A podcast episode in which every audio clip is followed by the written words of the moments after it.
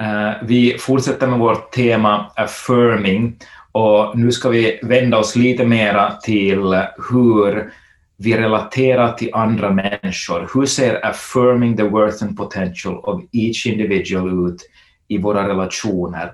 Hur kan bekräftelse, att vara en församling, vara människor som bekräftar andra och ser potential i varje människa, hur kan det se ut i våra relationer? Det här kommer vi att tala om några söndagar. Och idag ska jag tala om ett tema som Jesus lyfter upp eh, och det handlar om hur vi relaterar till andra. Men ett tema som vi kanske lätt glömmer att ge den tonvikt som det förtjänar. Vi talar väldigt mycket i församlingen om Guds förlåtelse, om hur Gud har förlåtit oss allting och hur fullständig Guds förlåtelse är på grund av det som Jesus har gjort på korset. Men vi talar inte alls lika ofta om hur eh, vi ska förlåta varandra. Och, och, jag vill tala om det här faktiskt under två söndagar, för jag tror att det är ett så viktigt tema att eh, växa i att förlåta andra. Det påverkar så stora delar av våra liv och våra relationer, så det är oerhört viktigt. Och ännu mer specifikt så vill jag tala om att förlåta helt och hållet. Inte bara eh, liksom tänka så här, äh, äh förlåt det, och så huschar man under någonting som är oupprätt eller, eller som vi har väldigt sårade känslor kring fortfarande. Eh, vi, vi försöker bara gömma undan det. Jag vill tala om att förlåta helt och hållet. Om jag berättar en liten intressant eller rolig episod eh, när vi var med ett ungdomsgäng eh, och hjälpa till på ett dagis i Ekenäs. Vi hade sådana veckor när vi eh, gjorde doing good, alltså göra gott mot andra, och vi hjälpte till på olika sätt. Jag tror att vi var och hjälpa limma några stolar eller reparera några stolar eller sånt på det här dagiset med ett gäng ungdomar. Och eh, när vi var där så var det ett av barnen som knuffade till ett annat barn så att det här barnet föll och stötte sig. Eh, och det var ju elakt gjort. Och då blev ju den här dagistanten väldigt upprörd och sådär, så där får man inte göra. Nu säger du förlåt. Och så sa det här barnet förlåt. Och det här andra barnet som grät för att eh, det hade gjort sig illa, så skrek från djupet av sitt hjärta ”Det hjälper inte!” Och kanske det, det är bara eh, en barnslig bild av barn och hur de relaterar, men jag tror att ibland kanske vi själva också kan fungera på samma sätt. Vi, vi ger inte förlåtelsen den tonvikt den har, och, eh, och, och vi kanske inte ens tänker hur mycket det kan hjälpa att förlåta både oss själva och andra. Guds förlåtelse talas det om väldigt mycket i Bibeln, men när man egentligen läser noggrant så nämns inte att förlåta varandra på jättemånga ställen. Det är kanske ett tiotal ställen där det tydligt nämns i Bibeln, och speciellt i Nya Testamentet, om att förlåta andra. Men samtidigt så är det någonting som är del av den kristna kärleken. Eh, kärleken som är större än den mänskliga kärleken, Guds kärlek som vi har fått del av, det är någonting som är del av den som helhet. Men när vi tittar på de sammanhang och de bibelställen där Jesus eller Paulus eller någon annan talar om att förlåta andra, så märker vi att det är inga liksom, eh, små bibelverser i periferin, utan det är väldigt centrala ställen där det här tas upp. Så vi ska ta upp det här och se på hur viktigt det här är eh, i våra relationer till andra. Så förlåtelse går mycket djupare än att vi bara försöker eh, sopa undan mattan, glömma eller gömma undan våra känslor, gräva ner saker, fast de kanske är väldigt smärtsamma och oklarade fortfarande. Det är mer än att bara säga ja, men äh, förlåt, förlåt om jag gjorde någonting. Och någon annan sådär, okej, okay, jag förlåter dig. Det, det, är på ett helt annat plan i Bibeln. Eh, det är någonting som kan förvandla oss själva och andra människor. Så när Jesus lär, om vi börjar där med bönen Vår Fader, eller Fader vår, eh, som den traditionellt så länge har hett. Eh, vi brukar tala om Vår Fader, den ekumeniska bönen vi ber. Och, och när Jesus lär sina lärjungar att be den här bönen, så ger han dem en bönemodell och han väljer, lyssna, han väljer bara sex grejer av oändligt många saker han skulle kunna säga att vi, vi kan be om, så väljer han bara sex grejer eh, som han säger att det här är det viktigaste. Det här är det centrala i vad jag vill att ni ber om och lever. Så i den här bönen, bönen Fader vår, kommer förlåtelsen in, både Guds förlåtelse av oss, men också vår förlåtelse av andra. Så lyssna noggrant. Jag läser inte hela bönen nu, vi fokuserar in eh, på den här versen eh, i bönen Fader vår, Matteus evangeliet 6 och vers 12, där vi läser så här. Och förlåt oss våra skulder, så som också vi förlåter dem som står i skuld till oss. Förlåt oss våra skulder, så som också vi förlåter dem som står i skuld till oss. Och det här ordet skuld, eh, som på grekiska är ofeilema, betyder att du är skyldig någon annan någonting. En skuld, det är ett brott eller en överträdelse som någon har begått och den där överträdelsen gör att man är skyldig. Eh, på ett eller annat sätt, man har en skuld till någon annan. Det är det här ordet som används här. Men det här jämställs, bara några verser senare som vi just ska komma till i vers 14, så jämställs det med ordet överträdelse, eh, som används synonymt, och i Lukas version av bönen så används ordet synd. Så vad, vad Jesus talar om här, det är att be våra synder och också vad andra har syndat mot oss, eh, överträdelserna. Och vad vi oftast gör, jag tror att de flesta av oss när vi ber det här, så fokuserar vi väldigt mycket på vårt behov av Guds förlåtelse. Vi fokuserar på att Gud förlåt mig, förlåt mig mina synder, och vi tänker på våra egna synder som vi har begått och vi ber om Guds förlåtelse. Men på vilket sätt ber vi om det? Om du följer med i den här versen, på vilket sätt ber vi att Gud ska förlåta oss? Så som vi förlåter andra människor. Det är inte tvärtom här, att vi ber att Gud eh, förlåt oss så att vi sen kan förlåta efter det. Utan det, den här ordformen, aurist indikativ, som används här, det är alltså någonting som är pågående, någonting som redan sker eller någonting som har skett. Vi alltså har redan förlåtit. Eh, vi har, det har redan hänt, eller vi lever i det som bäst, vi förlåter andra, och Gud, på det sättet ber jag också att du ska förlåta mig. Och sen är förstås Guds kärlek och förlåtelse alltid större än vår mänskliga förlåtelse, och Guds nåd är större än vad, vad vi kan åstadkomma i vår kärlek till andra. Men det är viktigt att se att formen faktiskt är den, så som jag förlåter andra, så ber jag också Gud att du ska förlåta mig. Så hänger du med? För det här är hela temats allvar på ett sätt. Till hur stor grad vill du att Gud förlåter dig? Hur mycket? Vill du att han förlåter dig mer än du förlåter andra? Jesus fortsätter direkt efter bönen eh, Fader vår och så kommenterar han, han säger så här, det är det första han säger direkt när han har avslutat bönen hur de ska be, så säger han i vers 14 så här och 15, ty om ni förlåter människorna deras överträdelser ska er himmelske fader också förlåta er. Men om ni inte förlåter människorna ska inte heller er fader förlåta era överträdelser. Och du kanske tänker att wow, vänta lite. Att va, varför finns det en, en catch här? Varför finns det liksom ett, eh, ett kriterium här? Men, men de här hör ihop. Och, och det är helt otroligt. Man, man hamnar stanna upp, jag själv som pastor hamnar stanna upp och fundera på det här. Vänta lite, om jag inte förlåter människorna deras överträdelser skall inte heller er fader förlåta era överträdelser, alltså mina överträdelser. Det här är hur viktigt Jesus säger att det här med att förlåta andra är. Det här är hur djupgående det är för Gud.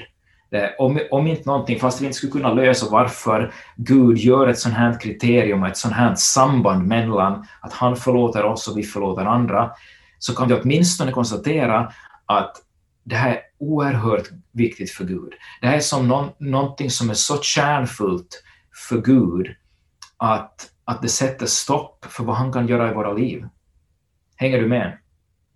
När Jesus undervisar om att få bönesvar i Markus evangeliet 11 så säger han så här i vers 25, lyssna. Han har talat om hur de ska få bön och att befalla bergen att flytta sig och de ska flytta sig på sig och så säger han så här. Och när ni står och ber så förlåt om ni har något emot någon. Då ska också er himmelske fader förlåta er era överträdelser. Så han säger egentligen så här, om du ber om någonting, om du eh, medan du ber om någonting kommer på att det är någon som har gjort fel mot dig, så förlåt den då, så att också ni blir förlåtna och kan få allt det Gud vill ge dig.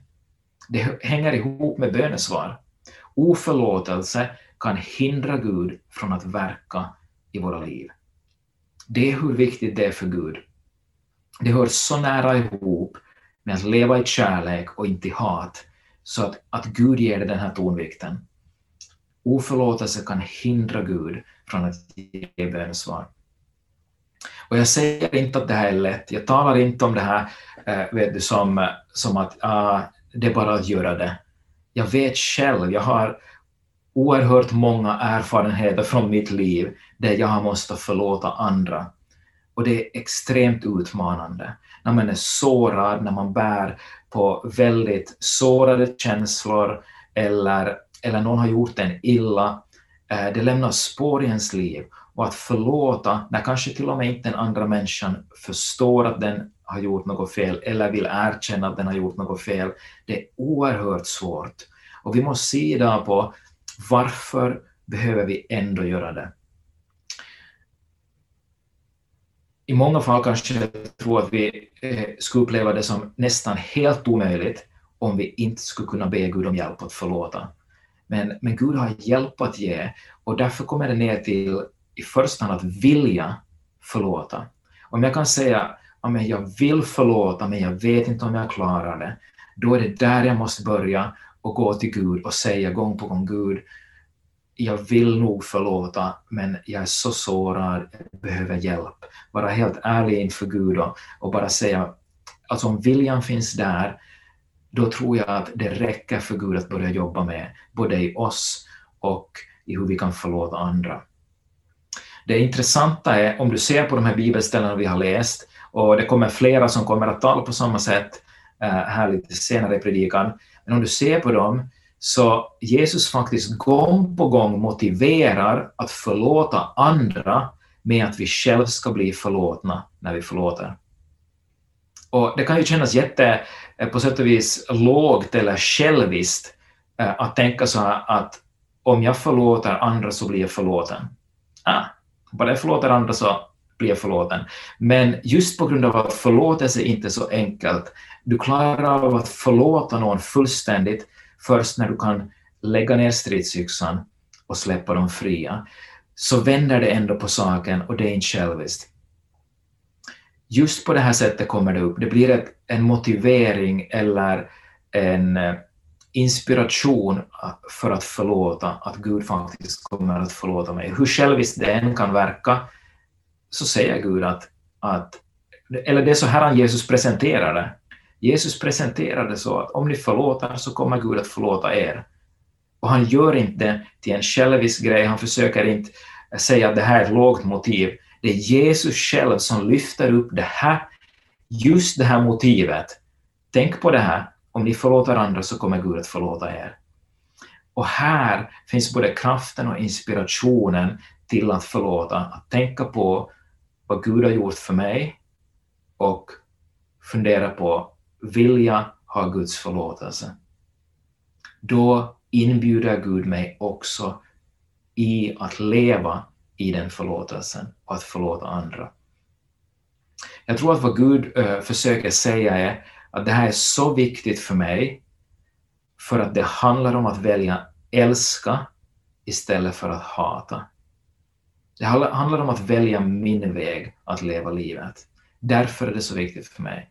Eh, Gud säger att jag är beredd att hålla tillbaka min förlåtelse och välsignelser om du inte är villig att leva ut den här kärleken jag har gett dig.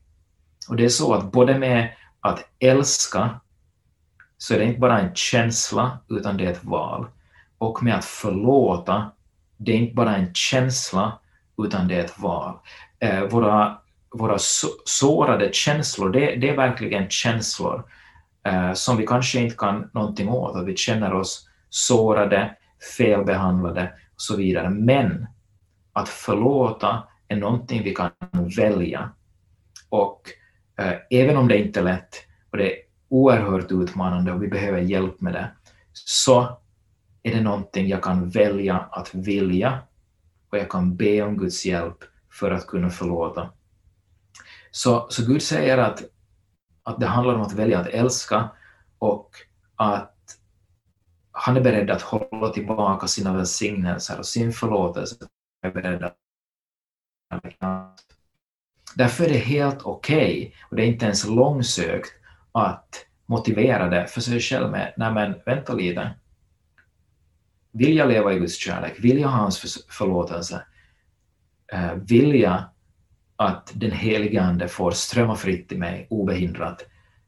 Ja, det vill jag. Ja, men jag vill, då måste jag också förlåta.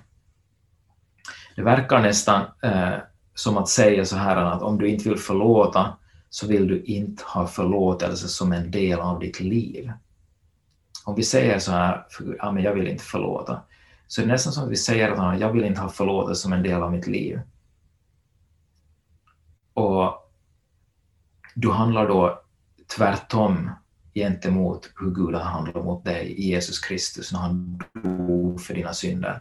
Så därför blir det egentligen inte själviskt det är inte själviskt att motivera det för sig själv med att ah, men jag vill verkligen bli förlåten själv. För där, just i den platsen, så växer kärleken fram. Det är någonting av det mest osjälviska vi kan göra, att förlåta någon annan. Och därför är det omöjligt att oavsett vad jag motiverar det med så skulle jag plötsligt bli självisk. För du kan inte förlåta någon annan någonting den har gjort mot dig och förbli självisk. För det handlar om att efterskänka någon skuld, det handlar om att säga att jag räknar inte mera med det här som den andra har gjort för mig, jag släpper den fri. Och det kan du inte göra och bli kvar i själviskhet. Jag vill, jag vill få del av Guds förlåtelse, jag vill också förlåta. Så samtidigt som det är något av det svåraste så är, är det här att förlåta någon annan är en av de saker som har det största potentialet att göra oss fria och hjälpa oss leva i kärlek till varandra och mot andra. Så plus att det frigör de andra människorna eh, också, och, och, vi kan få bönesvar som kanske annars skulle ha hindrats. Så vi blir självfria, men vi friger också andra och Guds välsignelse kan flöda. Och varför är det på det här sättet? För förlåtelse har en nära koppling med många andra saker. När någon syndar eller gör fel mot mig så blir jag sårad. Eh, man blir sårad, man får jobbiga känslor och när vi blir sårade så leder det ofta till att vi blir arga. Det börjar växa fram en, en vrede under ytan.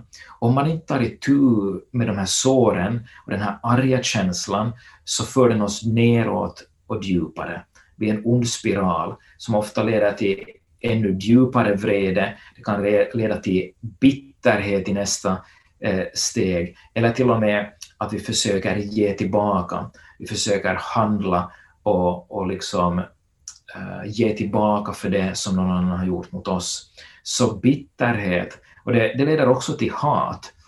eh, vrede, nästa steg från det är ofta bitterhet och hat. Så det är några av de mest förödande och destruktiva känslor som kan förstöra både för oss, andra, för oss själva och för andra i våra relationer. Det är oerhört destruktivt att bli kvar i det här och på sätt och vis bo kvar i de här eh, bitterhetens och hatets eh, träskmarker Så den här spiralen går bara djupare och det kommer på sätt och vis att lägga ett lock på livet. Så länge jag har kvar min oförlåtelse så, så kommer det att fylla mig på något sätt med det mörka. Så nästan kanske allting färgas mörkt eller meningslöst eller bara grått. Det påverkar så stor del av vårt inre om vi bär på de här känslorna. Och man kan säga så här att en människa som hatar eller är bitter blir en fånge i de känslorna, blir en fånge i sin bitterhet.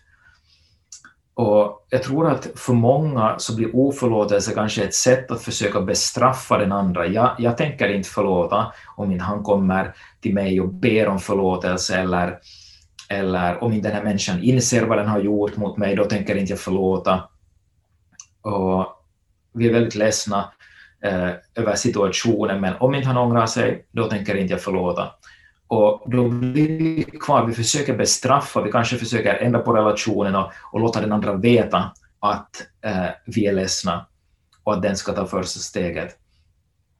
Men det kan vara att den andra personen inte ens förstår eller vet att den har sårat dig. Det kan vara att den inte ser att den har gjort något fel och inte vill erkänna det heller. Och det betyder att att den som tar skada om du inte tar steget och förlåter, det är bara du själv. Om den andra inte vill veta av dig eller vill veta av att den har gjort någonting fel, då kommer du aldrig genom din oförlåtelse att få det här utrett. Då kommer du att bli kvar i dina jobbiga känslor och om bitterhet och hat får bo tillräckligt länge i oss så kan det föröda hela vårt liv. Det kan stjäla all, all livsglädje ifrån oss och påverka våra relationer. Den enda som påverkas av din oförlåtelse är du själv, om den andra inte ser ett problem där. Och då blir oförlåtelsen ett fängelse. Någon har sagt så här eh, gällande oförlåtelse. Oförlåtelse är att välja att förbli fångad i en fängelsecell av bitterhet och avtjäna ett straff för någon annans brott. Så det är som att du väljer att bli kvar i ett fängelse för någonting som någon annan har gjort. Och någon annan har sagt så här, och det här tror jag att, att flera kan ha hört förut, men oförlåtelse är som att dricka gift och förvänta sig att någon annan ska dö. Det är hur starkt oförlåtelse kan påverka oss negativt. Den som blir att lida är du själv i första hand. Och Bibeln säger i tillägg till det här att oförlåtelse kan öppna en dörr för djävulen att förstöra mera. Paulus talar i eh, Andra Korinthierbrevet eh, om en person som har orsakat stor sorg. Han måste ha gjort någonting väldigt galet, eh, gjort en överträdelse eller syndat mot någon och många hade redan bestraffat med fördömande ord kanske, eller med sitt handlande, eller kanske de hade eh, fryst ut den här personen på grund av vad den hade gjort. Men då skriver Paulus så här i Andra Korinthierbrevet 2, vers 7-8. Nu bör ni istället förlåta och trösta honom, så att han inte alldeles går under i sin djupa sorg. Därför uppmanar jag er att bemöta honom med kärlek. Så Förlåtelse hör ihop med vår kristna kärlek. Det är det första vi kan se här. Paulus kopplar ihop den här förlåtelsen med att bemöta i kärlek, att leva i Guds kärlek och ge vidare Guds oerhörda kärlek i praktisk handling. Så det här kopplas ihop. Men så fortsätter han att säga så här, från vers 9. När jag skrev till er var det också för att få veta om ni skulle bestå provet och vara lydiga i allt. Den som ni förlåter, honom förlåter också jag. Till det jag har förlåtit, om jag har haft något att förlåta, det har jag gjort för er skull inför Kristi ansikte. Och lyssna, för att vi inte ska bli överlistade av Satan. Hans avsikter känner vi till. Så Paulus, för det första, han såg förlåtelse som någonting han gör inför Jesus Kristus. Han har gjort det inför Kristi ansikte. Inte bara i relation till andra människor, han kopplar alltså ihop det till hans egen gudsrelation. Precis som Jesus undervisar att förlåtelse och oförlåtelse, det hör ihop med din gudsrelation och hur Gud förlåter dig. Han kopplar ihop där. Han gör det inför Kristi ansikte. Men sen säger han för. Här finns ett tydligt samband till varför har han förlåtit. Om, om han alls hade någonting att förlåta, varför har han gjort det? Han säger för att vi inte ska bli överlistade av Satan. Hans avsikter känner vi till. Och jag vill att du vet det här. Djävulen har som en listig plan att få oss att leva i oförlåtelse som helt kan förstöra relationerna och Guds verk. Det är en av djävulens sätt att försöka förstöra både i ditt privatliv, i, i relationer, i församlingen, gemenskapen i församlingen. En av hans listiga planer det är att låta oförlåtelse leva kvar där. Och det här samma tema fortsätter i Efesierbrevet 4, vers 26-27.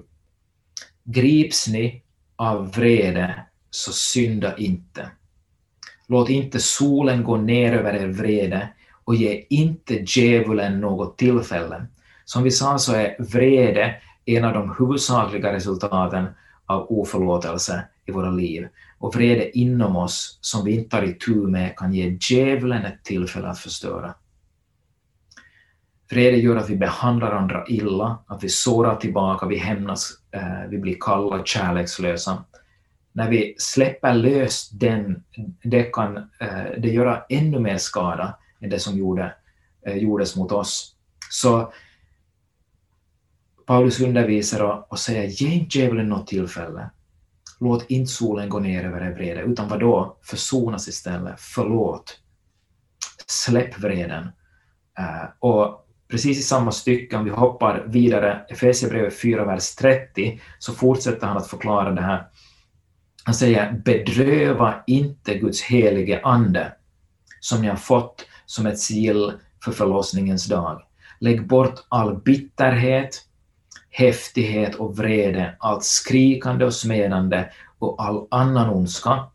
Och vad då? Var istället goda och barmhärtiga mot varandra och förlåt varandra, liksom Gud i Kristus har förlåtit er. Lyssna, Paulus talar om de här sakerna eh, och han säger att det här bedrövar den helige Ande någonting som bedrövar den helige Ande. Den helige Ande är ju en person, han har känslor eh, och han är finkänslig. Det här är saker som får honom att bli ledsen och gör att han drar sig tillbaka. Han kan inte bo där och dela rum tillsammans med bitterhet, häftighet och vrede. Han kan inte dela rum med oförlåtelse. Han är känslig, han kommer att dra sig tillbaka, det bedrövar honom. Därför säger han Eh, Paulus så här att ta itu med just de här sakerna som oförlåtelsen håller fast vid. Bitterhet, vrede, häftighet, skrikande, smedande. Ta itu med dem och botemedlet är att vara goda och barmhärtiga och förlåta varandra. Och hur ska vi förlåta varandra? Alltså till vilken grad, hur mycket? Du läste här, förlåt varandra liksom Gud i Kristus har förlåtit er. På samma sätt som Gud i Kristus har förlåtit oss, så kallas vi att förlåta andra. Och här kommer vi till hur kan det här någonsin ske? Hur kan vi lära oss att förlåta? Och, och det är just, okej, okay, hur ska jag förlåta? Så som Gud i Kristus har förlåtit er. Och det är inte bara att ta det som modell. Det, det handlar inte bara om att säga att okej, okay, eh, i Gud har i Kristus Jesus förlåtit mig all min synd. Nu ska jag försöka förlåta alla andra, all deras synd. Nej, det handlar om att, vänta lite, liksom Gud i Kristus Jesus har förlåtit oss. Alltså för att Gud i Kristus Jesus har förlåtit mig, för att jag har fått så oerhört mycket nåd. Jag kan gå igenom mitt liv och se på alla saker jag har gjort fel, allt jag har syndat, varje gång jag har vänt Gud i ryggen, jag har sårat honom eh, på massor av olika sätt. vänt mig ifrån honom och han har alltid förlåtit mig och tagit mig tillbaka. Där någonstans så kan jag hitta kraften och hitta vägen också till att förlåta andra. Och det här kommer gång på gång. Det, det handlar om samma sak som vi börjar med i den här predikan. Var finns motivationen, inspirationen, kraften till att förlåta? Det är att säga att Gud har förlåtit mig. Jag har fått så mycket nåd, jag kan också vara nådig mot andra. Vi ska inte förlåta halvt, säger Paulus, inte bara försöka begrava stridsyxan och intala oss att det här aldrig hände, eller att jag inte är ledsen, försöka på något vis uh, makea över mina uh, sår och min ledsamhet, eller, eller uh, ja, det som gör mig arg. Gud kallar oss till att förlåta från hjärtat, helt och hållet, lika fullständigt som Jesus har förlåtit oss. Och svaret finns i Jesus Kristus. Om vi läser från Kolosserbrevet till sist, från, vers, eh, från Kolosserbrevet 2, vers 13 till 14, så står det så här. Och här ser vi hur Jesus har förlåtit oss. Ni som var döda på grund av era överträdelser och er oomskurna natur, också er har han gjort levande med Kristus. Han har förlåtit oss alla överträdelser och strukit ut det skuldebrev som med sina krav vittnade mot oss. Det har han tagit bort genom att spika fast det på korset. Alltså, vi var döda. Vi hade gjort så mycket överträdelser att vi var döda på grund av våra överträdelser. Men vi har blivit gjort levande och han har förlåtit oss alla överträdelser. Gud har förlåtit oss allt och hur då han har strukit ut vad då skuldebrevet som med sina krav vittnade mot oss. Vi hade en skuld till Gud. Och Gud har strukit ut varenda en skuld när vi har kommit till honom. Och han har tagit bort det genom att spika fast det på korset. Om Gud har förlåtit dig allting, då har du också råd att förlåta din medmänniska hans skuld genom att tänka på vad allt jag har fått förlåtet och hur nådig Gud har varit mot mig, så hittar jag också eh, inte bara inspiration, men jag hittar Guds kraft i att förlåta. Och jag får be honom om hjälp att förlåta andra. Och jag får börja lära mig att leva i förlåtelse. Och där finns kraften. Där finns kraft till att ta nästa steg, att förlåta andra och släppa andra fria. Och när jag släpper andra fria så blir jag själv fri i mitt inre. Inte för länge sedan så upplevde jag att någonting som hände i relationen var sårande. Eh, jag blev stött och, och, och kanske bara upplevde att jag blev felbehandlad och missförstådd. Och det blev kvar i många dagar och störa mig. Hur än jag försökte så snurrade det på mina tankar att jag blev missförstådd. Eh, jag försökte göra det rätta och det missförstods, det vändes emot mig och, och jag fick skulden. Och det här snurrade på, det var väldigt tungt, det hela tiden kom tillbaka i tankarna, men sen kom jag till att jag vill inte ha det så här. Jag vill inte att mina tankar hela tiden snurrar kring någonting som har hänt eh, och att det upptar min tid, min energi, min glädje, allt annat far. Så jag böjde knä och så sa jag till Gud att nu vill jag förlåta, för jag vill inte ha det här kvar. Så på sätt och vis själviskt, igen, själviskt motiv, jag vill inte bära den här bördan, men jag insåg att det är jag själv som lider när jag inte har förlåtit. Så jag sa till Gud, nu förlåter jag i Jesu Kristi namn de här människorna, den här situationen. Jag släpper dem fria. Och det intressanta var, jag kan inte säga att jag varje gång har upplevt det så här, jag har haft mycket, det var kanske en liten grej, en, en, en minimal grej i jämförelse med många, med många andra grejer jag har gått igenom.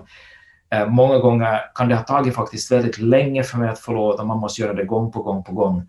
Men det som hände den här specifika gången var att när jag sa de här orden, jag vill inte bära det här mera, Jesus, i ditt namn så förlåter jag det här den stunden så lätta känslan och jag upplevde att det gjorde inte ont mera. Jag kunde släppa de här människorna fria, kunde lämna det för vad det var och säga jag förlåter, jag lämnar det. Och den stunden så var jag också fri och jag kunde fortsätta med mitt vanliga liv, mitt arbete, utan att det störde i tankarna. Så jag vill bara uppmuntra dig att gå djupare i det här och ta förlåtelse av andra på allvar. För den första personen som det påverkar om du kan leva i förlåtelse, det är du själv. Det är du själv. Och jag kommer att fortsätta, vi slutar här, men jag kommer att fortsätta att tala om förlåtelse nästa söndag. Och då kommer jag att, att uh, gå in mer på detaljerna och förklara vad förlåtelse inte är och vad förlåtelse är och hur vi kan gå tillväga för att förlåta helt och hållet. Så jag hoppas du har fått uh, någonting ut av det här, satt igång tankarna och att du kan se från Guds ord vikten av att förlåta andra och motivationen till det som är Jesus Kristus som har förlåtit oss.